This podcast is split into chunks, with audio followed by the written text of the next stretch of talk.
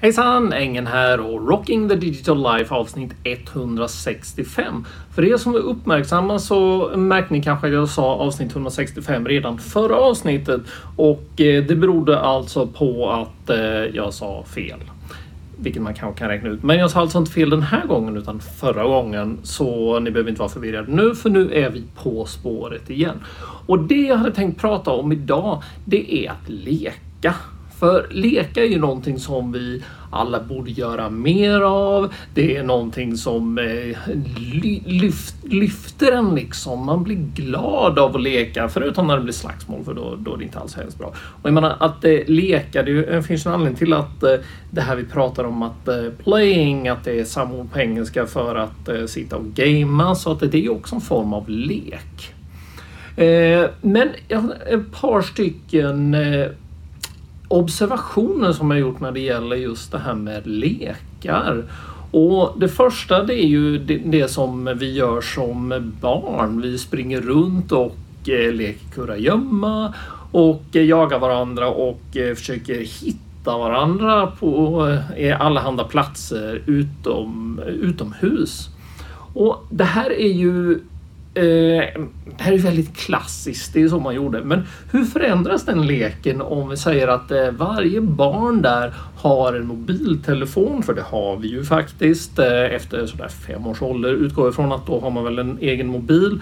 Och som föräldrarna kanske kör eh, eh, Life 365 på. Där man alltså kan gå och se var barnen befinner sig. Barnen kan se var de andra barnen befinner sig och var föräldrarna befinner sig och allting sådär. Hur förändras då den eh, leken när du potentiellt har möjlighet att eh, gå in och eh, titta på eh, mobilen? Att var befinner sig personen jag försöker hitta i den här leken? Det här det kan ju vara så att man går in som barn och stänger av den funktionen eller ska man fundera snäppet längre och eh, kanske använda det här för eh, för eh, att dra uppmärksamhet någon annanstans, gömma mobilen någonstans och se om man kan lura den som jagar istället. Så att det här är någonting som kanske förändrar hur vi kommer leka eller hur barnen kommer leka framöver om det här blir mer och mer vanligt. Det finns ju andra, eh, andra annan teknik som gör sådana här saker. De här klockorna som barnen har på sig som eh, man kan ringa direkt till föräldrarna i och sånt. Ofta inte någonting som är tillgängligt för eh, Eh, för de andra barnen utan bara för föräldrarna. Men eh, fortfarande någonting som man kanske kan ha i åtanke. Men vi vuxna vi leker ju också. Vi leker frågesport, vi leker eh, tipspromenader, vi leker eh, sådana där saker som eh, händer. Och, eh, om vi pratar om det här med tipspromenader och frågesport så har ju påverkas de också lite grann av tekniken. För någonting som eh, vi lär oss det är ju att eh, vi inte behöver lära oss.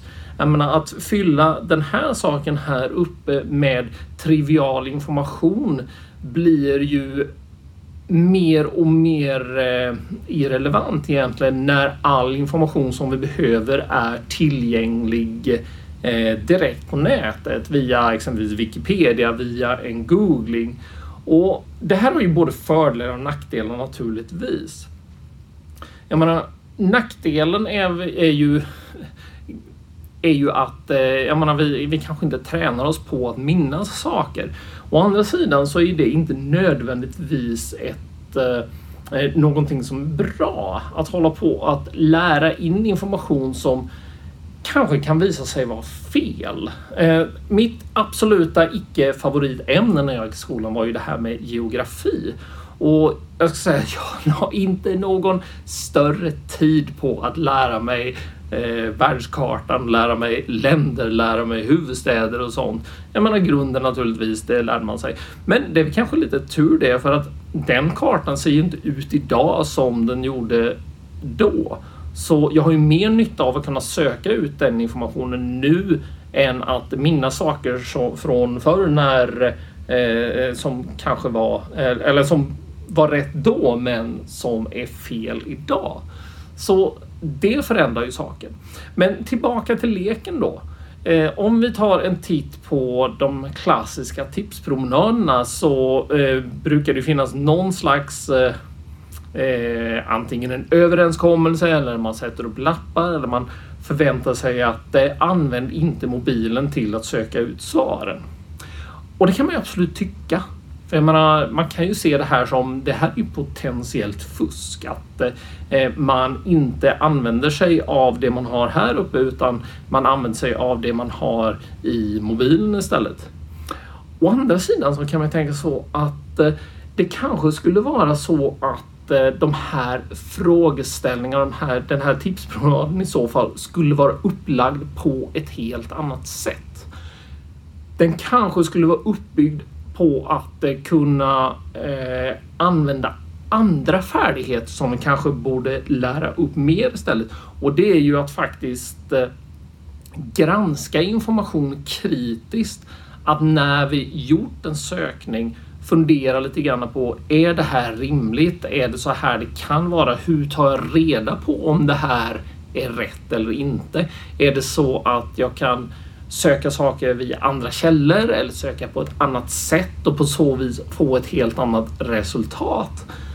Ponera att du la upp en tipspromenad på det viset istället. Där eh, de alternativen som du eh, kan få fram när du försöker googla fram svaret är eh, olika perspektiv på information.